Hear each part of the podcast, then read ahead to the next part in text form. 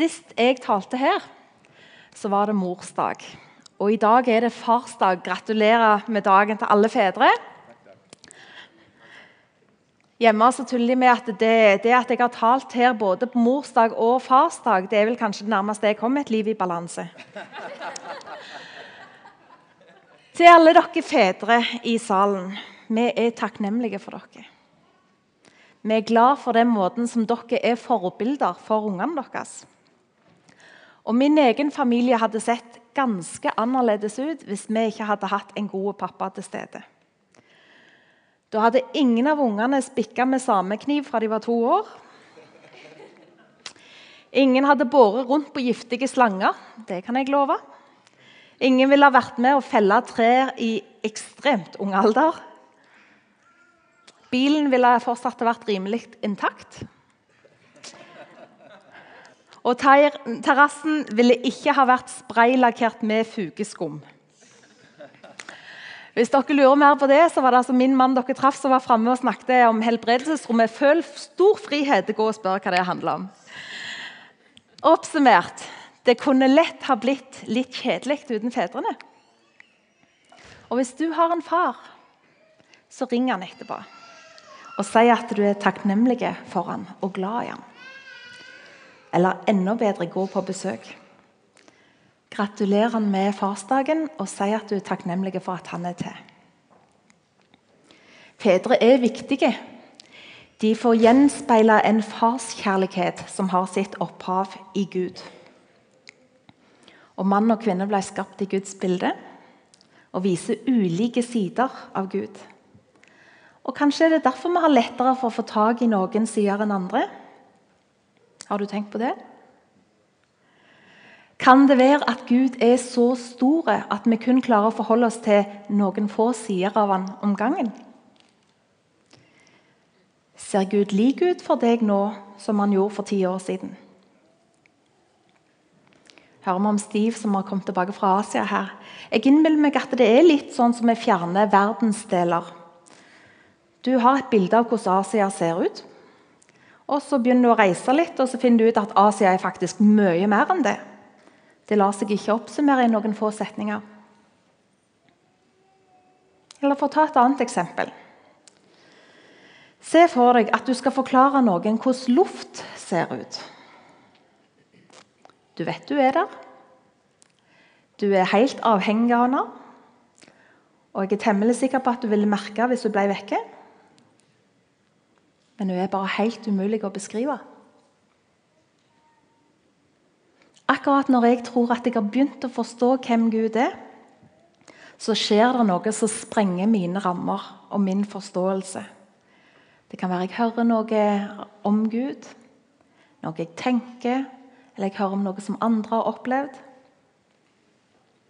Kan det være at vi er avhengige av hverandres blikk for å få øye på Guds karakter? Hvordan er egentlig Gud? Skal vi gjøre et lite eksperiment? Fortell meg hvordan Gud er. Kom an. God. Kjærlig. Hellig. Mektig. Tålmodig. Overraskende. Allmektig. Humor. Bra. Hva sa du? I deg, ja. Det er han òg. Ja. Ikke hvor han er, men hvem er han? Han er i deg. Ja. ja. Flere? Skapende. Trofast. Trenig. Kreativ. Helbredende. Mm. Rådgiver, ja. ja. Fredsførste. Kom an. Ja, veldig bra. Er det noen av dere som syns at han kanskje er litt stille? Fraværende. Litt krevende. For hvis det er sånn, så er det greit. Noen ganger så går vi gjennom ting som gjør at det er vanskelig å få øye på Gud. Og For andre så kan det være sånn at du aldri har blitt kjent med Gud. Og det er òg helt greit. Han liker å få en anledning til å bli kjent med deg. Før vi går videre, så vil jeg be litt. Gud, takk for at du er her. Vi ber om at du åpner øynene våre og ørene våre, sånn at vi kan se deg sånn som du er, og høre hva du har for oss. Amen. Vi skal slå opp i Bibelen i Johannes evangelium, i kapittel 5.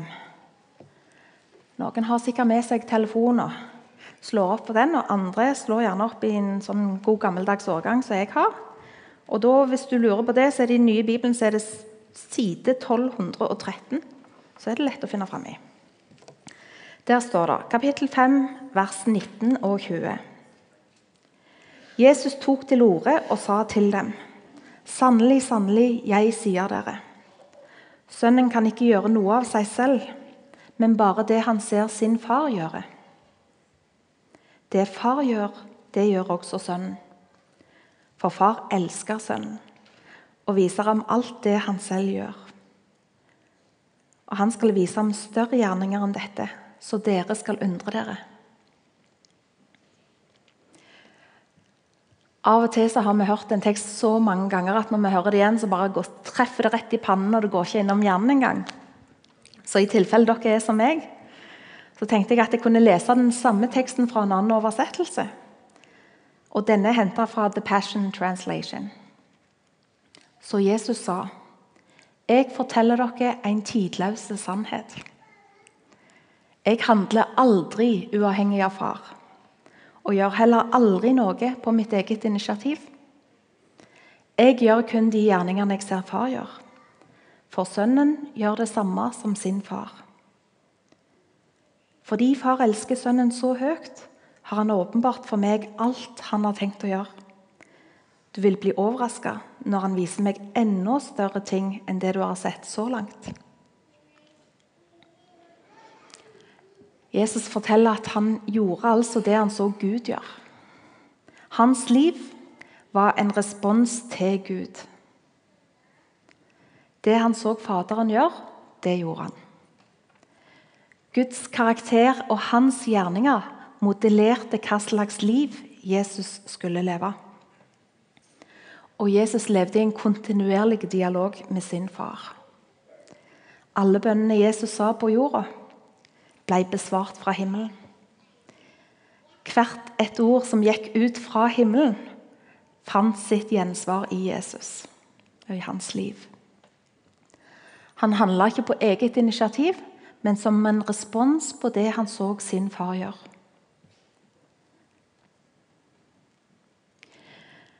De siste åra har jeg oppdaget ei side ved Gud som jeg ikke kjente så godt til fra før. Jeg har vært kristen hele livet. Og jeg vet ikke om dere husker så langt tilbake, men På 80-tallet var det sånn at alle måtte ha en frelsesdato. Jeg hadde jo ikke det. Og Jeg tenkte åh, jeg gjør jo dette helt feil. Jeg må jo ha gjort noe skikkelig galt. Eh, noe vanvittig, kanskje til og med nesten litt kriminelt. Og så jeg kunne omvende meg etterpå. For Da kunne jeg for si at jeg ble frelst 19.10. i 19 pil og bue. Det hadde vært fint. Men det var jo litt vrient, da, siden jeg hadde ei tro hele tida. Og jeg kjente Gud som den hellige, den allmektige. Han som er opphavet til alt liv. Og han er den som elsker oss høyt nok, eller så høyt, at han ga sin egen sønn i vårt sted. Og Akkurat det syns jeg er vanskelig å forstå. Men jeg vet at det er sant, og det følger meg med takknemlighet og ydmykhet. Gud er full av nåde og sannhet, trofasthet og barmhjertighet. Og til alt overmål er han den som bøyer seg ned og gjør meg stor. Og Hvis du blir provosert av det, så må du lese andre Samuels bok om igjen. Sånn har jeg sett Gud og min relasjon til han. Han er den som har gjort alt, og jeg er den som får ta imot. I de siste åra opplever jeg at han har utfordra meg til å gi tilbake. Han har vist meg at jeg har noe å komme med som han har behag i. Og Det har sprengt rammene mine for alt det jeg har tenkt om Gud. Kan han virkelig ta glede av noe som jeg har å gi? Og Vanligvis når jeg taler, så snakker jeg om ting som jeg har et noenlunde avklart forhold til. I dag tar jeg en sjanse. Jeg vil snakke om noe som jeg fortsatt jobber med. Jeg har bestemt meg for å dele mine uferdige underveistanker. Og så håper jeg at dere vil være nådige med meg. Og Kanskje kan vi gå noen skritt i sammen som gjør at vi kan sammen komme fram til en større forståelse. Er det greit? Ja, takk. Min utfordring for tida er denne. Jeg opplever at Gud kaller meg til lydighet. Lydighet er et ord som vekker mange ulike tanker i oss. Og Mange har kanskje erfaring om en, om en krav, altså erfaring med krav om blind lydighet. En underkastelse som gjør vondt. En lydighet som krever uten å gi. Det er ikke det jeg snakker om. Dette er noe annet. Hold ut litt til. Denne nådige, kjærlige Gud som alltid har møtt meg med åpne armer og uten krav, han kaller meg nå til lydighet. Misforstå meg ikke, han møter meg fortsatt med åpne armer. og Jeg får hvile i hendene hans hva tid jeg vil. Hele tida. Men han utfordrer meg altså til å være lydig. Han krever det ikke. Det er ikke sånn at han sitter i en sånn skylenestol med hendene over magen og sier nå har jeg gjort nok, nå får hun jammen meg bidra litt. Han krever det ikke. Men han inviterer meg til det. Og jeg kjenner Gud godt nok til å vite at når han inviterer meg til å gjøre noe, så er det fordi han vet at det er det beste for meg. Men det krever altså at jeg aktivt handler uten at initiativet kommer fra meg. Uten å forstå hensikten og uten å ha oversikten over konsekvensene. Det er veldig krevende for en person som meg. Kanskje det er flere som har det sånn. Vi skal lese videre fra Johannes evangelium. Bare bla noen ark fram til kapittel 10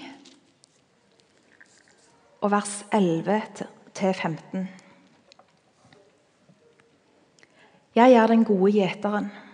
Den gode gjeteren gir livet sitt for sauene.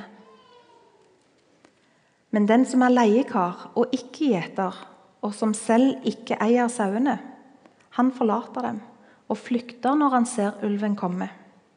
Og ulven kaster seg over dem og sprer flokken. For han er bare leiekar og har ingen omsorg for sauene. Jeg er den gode gjeteren. Jeg kjenner mine, og mine kjenner meg, slik som far kjenner meg, og jeg kjenner far. Jeg gir liv mitt for sauene. Datt du av igjen? Vil du ha teksten en gang til i en annen versjon? Ok. Her er The Voice-oversettelsen. Jeg er den gode hyrden. Den gode hyrden legger ned livet sitt for de sauene som er i hans varetekt. Den innleide arbeideren vokter ikke sauene sånn som hyrden. Når ulven angriper, glefser og sprer sauene, da springer leiekaren for livet og etterlater sauene forsvarsløse. Leiekaren springer fordi han jobber kun for å få lønn han bryr seg ikke om sauene. Jeg er den gode hyrden. Jeg kjenner sauene mine, og sauene mine kjenner meg.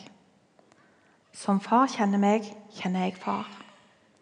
Jeg gir livet mitt for sauene. Den gode hyrden har kalt meg til å gå på stier som jeg ikke kjenner. Det gjør meg ofte ukomfortabel. Litt usikker og veldig, veldig avhengig av Jesus. Jeg kan se tilbake på mange ganger i livet mitt når jeg har opplevd at Gud har utfordra meg. Og Da har jeg gjerne argumentert litt fram og tilbake.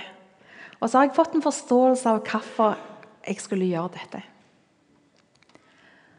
Og De siste åra har det altså Gud kommet fram til at det er helt unødvendig med en forklaring.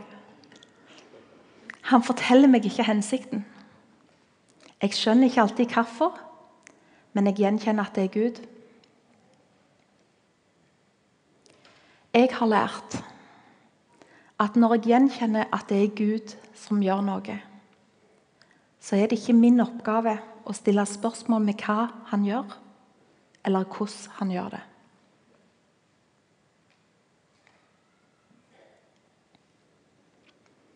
Jeg stoler på at hyrden har bedre oversikt enn det jeg har, og at han verner mitt liv med sitt eget.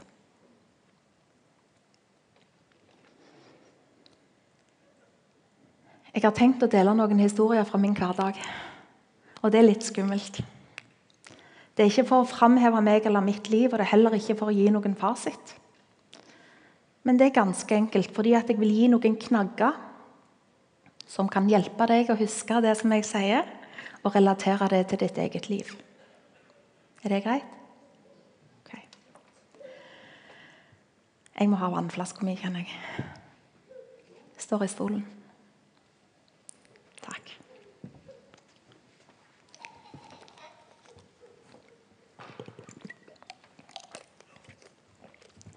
Den 21. februar markerer en endring for mitt vedkommende. Det var en vanlig dag. En torsdag, tror jeg. Og jeg satt i stua og ba. Og plutselig så begynte Gud å vise meg ting over en familie. Særlig snakket han til meg om én person i denne familien. Jeg skrev ned alt det jeg hørte og så. Og så gjorde jeg kardinaltabben. Jeg spurte Gud hva vil du jeg skal gjøre med dette. Gå og si det til han, sa Gud. Jeg ble helt kald. Ikke kjente jeg denne personen. Jeg hadde truffet noen i familien hans noen få ganger. Men det var ikke sånn at jeg hadde et vennskap med dem på det tidspunktet. der. Og jeg argumenterte med Gud og sa at jeg ikke kjente dem, og at jeg ikke syntes at jeg hadde vunnet retten til å tale inn i livet deres. Jeg syns sjøl det var et sterkt argument. Gud var stille. Jeg kom med et febrilsk 'Men jeg vet ikke hvor han bor'. Og Da var Gud helt rolig når han svarte 'Men du vet hvor han jobber'? Og jeg ble helt satt ut. Skulle jeg liksom troppe opp på arbeidsplassen hos en vilt fremmed person og si noen ord som til alt overmål overhodet ikke hadde mening for meg? Jeg visste at vedkommende hadde opplevd noe vanskelig, og at han var sårbar. Og Det siste jeg ønska å gjøre, var å stille han i en situasjon der han måtte håndtere snodige ord fra en fremmede. Og Jeg prøvde å forklare Gud dette, og han var stille. Det var som om han venta. 'Må jeg gjøre dette?' sa jeg. 'Nei', sa han. 'Du må ikke.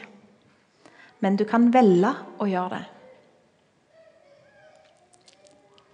Jeg vet å kjenne igjen en invitasjon når jeg får en.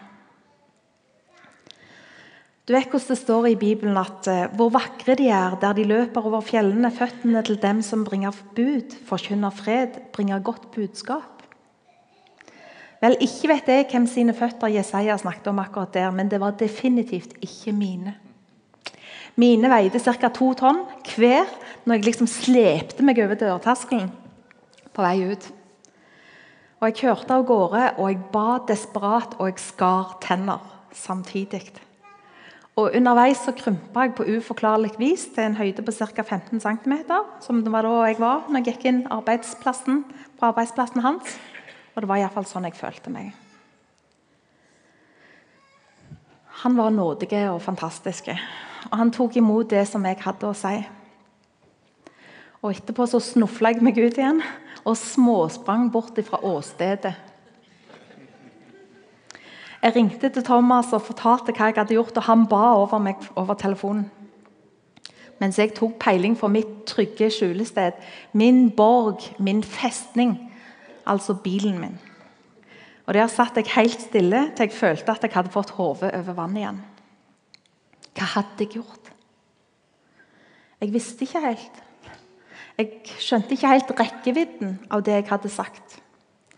Jeg visste ikke hva det ville bety for han som jeg hadde gitt det til. Og jeg tenkte aldri at det kom til å ha noen konsekvenser for meg. Strengt tatt så var jeg bare takknemlig over å ha overlevd den dagen. Neste dag så skulle jeg være forbereder på en konferanse. Hundrevis av mennesker sto i kø for å bli bedt for, og de lengta etter å se mer av Gud. Og Jeg visste med meg sjøl at jeg hadde ikke noe som helst å bidra med, med mindre Gud ga det til meg. Plutselig så begynte han å snakke med meg. Han la ut om hver enkelt av de som kom til forbønn. Og jeg fikk stå og be inn hans hjerte til 40-50 mennesker den helga. Jeg la hendene mine på folk, og Gud møtte dem med sin herlighet. Og folk opplevde at livet deres ble fullstendig forandra. Ett ord fra Gud gjorde mer enn tusen av mine. Det handla ikke om meg eller hva jeg gjorde, for det var Gud som gjorde alt. Jeg hadde skjønt at jeg var 100% avhengig av han.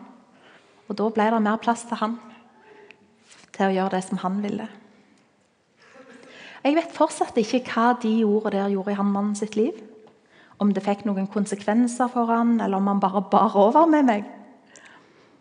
Det var ikke sånn at jeg fikk se resultatene av det som jeg gjorde. Ikke der, ikke da. Men jeg fikk se litt av hva det gjorde med andre i de dagene som fulgte. Et helt annet sted. Min lydighet forløste noe i himmelrommet, og det forandra meg. Det var en av de viktigste lærepengene jeg har fått noen gang. Og Samtidig så utfordra det meg. For det er vel ikke sånn at en skal gjøre seg fortjent til at Gud griper inn heller. Det er ikke alt av nåde, da. Jo, alt er av nåde. Og det er Gud som gjør det. Det er han som suverent griper inn og berører menneskers liv. Fordi han vil. Fordi han elsker. Og Likevel så var det helt tydelig for meg at det hadde skjedd noe idet jeg slepte meg over dørterskelen på vei til denne mannens arbeidsplass. Jeg valgte å gå på det som jeg ikke forsto. Jeg tok et valg om å være en dåre for Kristi skyld. Eller som det står i Messias, nei, skal du høre, i Message-oversettelsen av første kor 4.10.: We are the Messiah's misfits. Det så ikke nødvendigvis så bra ut, men det var heller ikke viktig. Jeg gikk fordi jeg hørte hyrdens stemme, fordi jeg kjente han, og fordi jeg visste at han var god. Denne sauen her fant ut at hyrden hadde hakk mer overblikk enn det jeg hadde, og at jeg kunne stole på at han ville lede meg. Og så gjorde han det. Da jeg sa fra meg mitt krav på å framstå bra, min rett til å diktere hvordan ting skulle foregå, mitt krav på å vite konsekvenser før jeg handla Da jeg ga avkall på retten til å se ut som jeg faktisk hadde peiling på hva jeg holdt på med. Og da jeg bestemte meg for å handle selv om jeg ikke visste da slo Gud ned på underfullt vis og gjorde det som menneskelig sett var umulig. For alle de menneskene som kom fram til forbønn og ble møtt av en berøring av Gud, så var det det som betydde noe. Ikke hvem jeg var, eller hva jeg framsto som. Men at de fikk møte Gud ansikt til ansikt. Det ble mindre av meg og mer av Gud. Samtidig så fikk jeg jo være med og oppleve fantastiske ting som jeg aldri hadde fått vært med på før. Og Sånn er det gjerne når vi blir med på det som Gud gjør. Det er når vi er 15 cm høye, at Han gjør oss store. Dere er veldig stille. Går det greit med dere? Ja? Er det nyttig å få en sånn knagg å henge på? Flott. Takk. Vil dere ha en til? Ok, flott. Her er en historie fra heimen. Thomas, mannen min og jeg vi ber ofte Gud vise oss hva han gjør nå. Og hvordan vi kan ta del i det som han gjør nå. Noen ganger så ber vi sammen, andre ganger så ber vi hver for oss. Og Det er til stor oppmuntring for oss når vi kan bekrefte hverandre. For noen måneder siden så kom Thomas inn og sa jeg har en følelse av at vi kommer til å få en stor pengegave. Jeg strålte opp og sa, 'Jeg vet det! Det har Gud vist meg òg.' Du må bare ikke tro at det er noe som skjer støtt og stadig hjemme hos oss. Men denne gangen visste vi altså begge to at det kom til å skje. Jeg fortsatte ufortrødent. da. Det er fordi at Gud vil at vi skal reise til USA til høsten. Jeg har bedt om at vi skal få dekka reiseutgiftene. Thomas ble litt løyen i ansiktet før han sa 'Å, jeg tror gjerne vi skal gi det vekk'.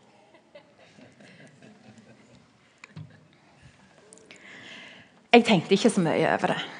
Vi hadde jo ikke fått noen gave ennå. Og vi hadde jo ikke snakket med noen som helst om reiseplaner, pengebehov eller, eller noe. Vi rusla videre og fortsatte med det vi holdt på med. Vi nevnte ikke denne samtalen for noen, heller ikke for ungene våre. Idet telefonen ringte neste dag, så visste jeg at det var noe i gjære. Thomas forsvant ut, og da han kom inn igjen, så hadde han en sånn fårete flir. Han fortalte at noen hadde ringt og spurt etter kontonummeret vårt fordi de ville sette inn en større pengegave. Igjen, Det er en viss fare for at du tenker at dette er normalt hos oss, men det er ikke det. Og det var ingenting som gjorde at vi kunne forutse det. Og likevel så skjedde det som Gud hadde vist oss kom til å skje. Fantastisk, sa jeg og klappet i hendene helt i hundre. Der fikk vi de pengene vi trengte for å reise til USA. Gud er så god, han sørger for det vi trenger. Og Thomas ble plutselig helt ommøblert i ansiktet. Han var stille i noen sekunder, og så sa han jeg tror fortsatt at vi skal gi vekk alt sammen. Jeg satte øynene i han. Hørte han virkelig ikke Gud i det hele tatt? Var det ikke innlysende at vi hadde fått akkurat det vi trengte? Vi var i en pressa økonomisk situasjon. Vi hadde nettopp foretatt en stor ombygging av huset vårt. Vi hadde to leiligheter som vi trengte å få leie ut. Men leiemarkedet var fullstendig dødt, og vi hadde ikke fått en eneste respons på de fem ukene som leiligheten hadde ligget ute på Finn. Jeg var rimelig muggen da jeg gikk ut. Vi skulle ha konfirmasjon denne uka, og jeg hadde mye å tenke på. Og Jeg gikk fra butikk til butikk på Kvadrat mens jeg nærmest freste på innsida. Her hadde vi fått en gavepakning fra Gud. Og så var ikke Thomas i stand til å ta tegningen. Nei, dette var helt urimelig. Jeg var overraska over min egen reaksjon. Og ganske skamfull, egentlig. Vanligvis pleide vi begge å ha glede av å gi ting videre. Og jeg skjønte ikke hvorfor jeg var så sint. Jeg sto inne på et prøverom og argumenterte med meg sjøl. Og jeg mumla til Gud at jeg kom ikke til å gi noe som helst før jeg kunne gi det med glede og av et helt hjerte.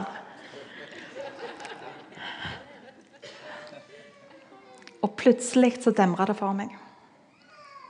Jeg var sint fordi jeg ikke hadde vært en del av avgjørelsen.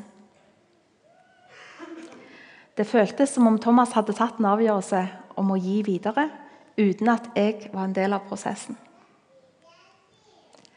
Da det gikk opp for meg, så var det plutselig enkelt å si til Gud men jeg vil òg gi. Jeg gleder meg til å kunne gi det videre. Sinnet forsvant på et øyeblikk. Jeg ble glad og fredelig inni meg. Og jeg sendte en SMS til Thomas der jeg sa meg enig i å gi alt videre. Fra det øyeblikket så gikk det mindre enn én en time, så hadde vi leid ut begge leilighetene. Altså ingen respons på fem uker. Og plutselig er begge utleid innen en time etter at vi hadde bestemt oss for å gå på det som Gud kalte oss til. Fordi vi fikk leieinntektene, så hadde vi òg penger til å ta den turen til USA, som vi opplevde at Gud hadde lagt foran oss. Vår lydighet forløste noe i himmelrommet. Gud fikk ære, andre ble velsigna. Og vi fikk tilgang til det som hadde vært utenfor rekkevidde for oss. Gud er ikke en salgsautomat der du hiver på en 20-kroning i ene enden og tar ut en Snickers i den andre. Han lar seg ikke manipulere. Det handler ikke om hva vi har gjort eller ikke. Poenget er at vi tok imot invitasjonen som han rakte oss. Uten å vite. Uten garantier uten forhandlingsrett. Invitasjoner kan se forskjellige ut. Og det er ikke sånn at Gud alltid taler til oss på samme måte. Jeg skal avslutte med en siste historie, og den, den er kort. Er det greit? Takk. Min far gikk hjem til Jesus i fjor høst og har nå tidenes beste farsdag i himmelen.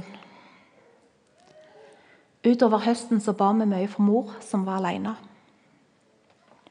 Thomas og jeg minnet Gud om at hun var en av våre, og at vi ville at alle de velsignelsene som regna over oss, òg skulle falle på henne.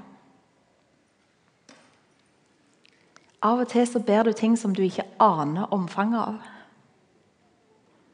Men dette var tydeligvis en bønn som Gud hadde lagt ned i hjertet vårt, og som vi fikk be ut. La enhver velsignelse som regner over oss, òg falle på henne. I løpet av vinteren hadde vi en inspirasjonssamling med Helbredelsesrommet. Jeg var egentlig ganske trøtt, og det var Thomas òg. Vi hadde travle uker bak oss. Og det hadde vært lett å tenke at dette er nok en ting som vi må delta på. Men sånn var det ikke. Vi bestemte oss for å gå all in. Sammen med de andre så søkte vi Gud i lovsang. Ikke fordi programmet tilsa at vi skulle synge så og så lenge, men bare fordi vi ville være sammen med han. Vi var ca. 40 mennesker i ei stue og tilba. Noen satt, noen sto, noen lå, noen knelte. Felles for alle var at det var kun de og Jesus. På et tidspunkt så var det helt stille. Og det var en sånn hellighet som hvilte over rommet. Det var som om vi satt der med beina til Jesus. Vi ville bare være i det gudsnærværet, og at det aldri skulle ta slutt. Plutselig begynte telefonen min å ringe i veska. De andre lo, men jeg var rimelig flau da jeg gikk ut. Jeg fiska opp telefonen og så at det var mor, så jeg gikk ut på gangen og svarte telefonen. Og hun grein i andre enden. Du vil ikke tro hva som har skjedd med meg, Mariann, sa hun. Så fortalte hun om hvordan hun hadde sittet i stolen sin i stua og lest i et blad, mens broren min holdt på å fikse TV-en hennes. Plutselig så hadde hun sagt Nei, men hvordan er det jeg ser ut? Mens hun kosta av seg en mengde gullstøv som lå over klærne hennes. Bror min så på henne og sa «Eh, mor, det der ser ut som sånt gullstøv fra Gud. altså. Hva sier du? sier mor, og småsprang ut på badet for å se seg i speilet. Og Bror min kunne se hvordan gullstøvet lå igjen etter henne, der hun hadde gått. Og Av og til så gjør Gud nettopp dette. Han gir oss et synlig glimt av sin herlighet. Det er som om han åpner himmelen for oss og la oss få del i herligheten på en sånn måte som vi kan forstå. Noen ganger så dekker han oss med gullstøv eller olje. Og han lar oss få del i seg sjøl på en håndfaste og synlig måte. Hva var så fruktene? Hva gjorde det med mor? Gud har flytta inn i stua mi, sa mor. Hun visste at han alltid så henne. At han aldri ville slippe henne. Og at hun var inderlig, inderlig elska. Fordi vi tilba et annet sted, så ble Guds herlighet forløst i stua hennes.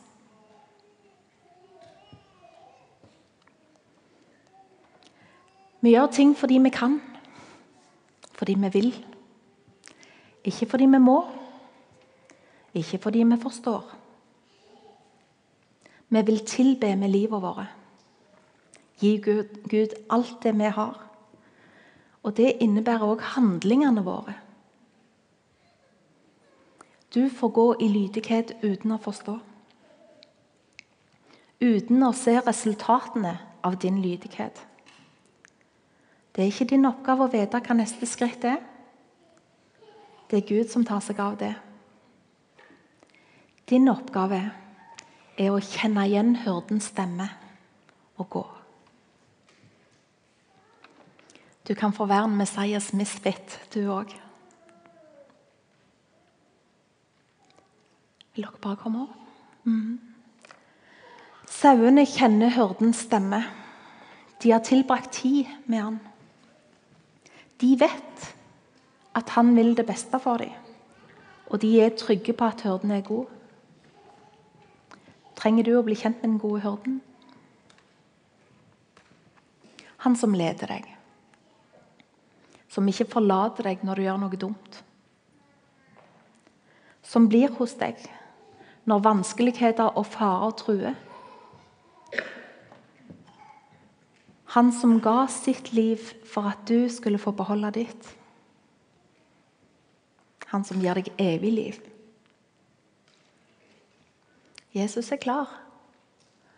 Han tar imot deg med åpne armer og klar til å bære deg videre.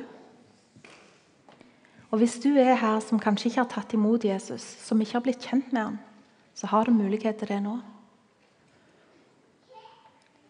Jeg vil be alle lukke øynene.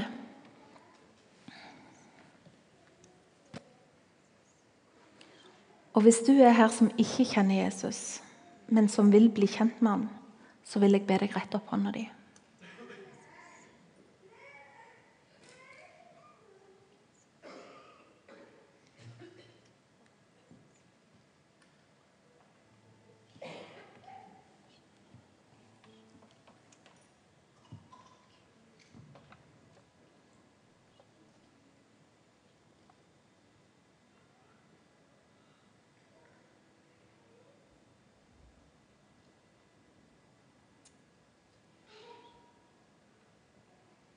Du kan stole på at hyrden verner ditt liv med sitt eget. Du kan stole på at han har gode planer for deg. Fredstanker, håp, framtid. Du kan stole på at han vil deg godt.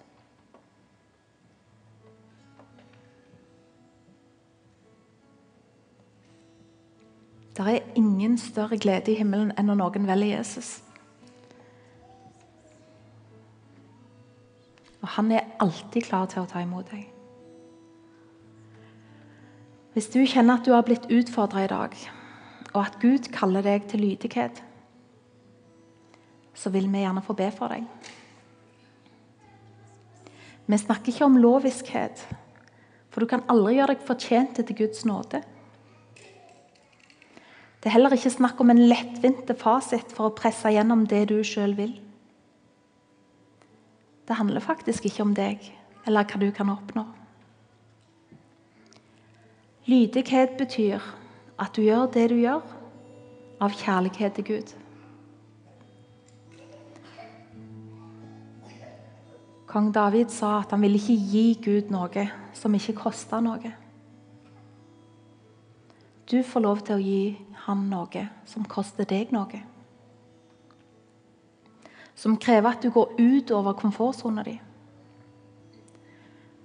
Du får lov til å gjerne vise kjærlighet og vandre ydmykt med din Gud.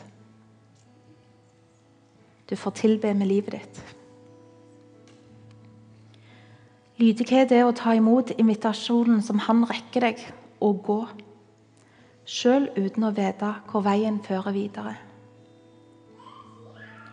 Lydighet er å stole på at den gode hyrden vil verne ditt liv med sitt eget. Far, vi takker deg fordi at du er her. Vi takker deg fordi at når du kaller oss, så er det fordi at du har noe som er enda bedre, far. Noe som gir deg ære, noe som vil velsigne oss, vil velsigne andre. Og far, vi, vi kjenner deg, og vi stoler på deg, og vi vil gå på det som du leder oss til. Far, jeg ber om at du går til alle de områdene i livet vårt der vi er usikre, eller der vi har sår som gjør at det er vanskelig å stole på. At du vil eh, trygge oss, du vil romme oss, du vil favne oss når vi gir opp kontrollen sjøl, far. Så ber jeg Helligånd om at du bare snakker tydelig til oss. At vi skal høre din stemme og gjenkjenne at det er ok. Dette gjenkjenner jeg at dette er Gud. Jeg vil gå på dette. Kom, Hellige Ånd, allerede nå bare vis oss. Vis oss hva det er du vil gjøre. Vis oss hva du vil gjøre i våre liv. Sett søkelyset på de personene som vi skal oppsøke. Gi oss de ordene som du vil gi videre, far. Og ett ord fra deg, du utretter mer enn tusen av våre.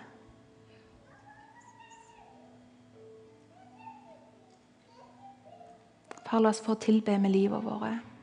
Bare før oss inn til en stadig tettere nærhet med deg. La oss få se mer av hvem du er. Amen.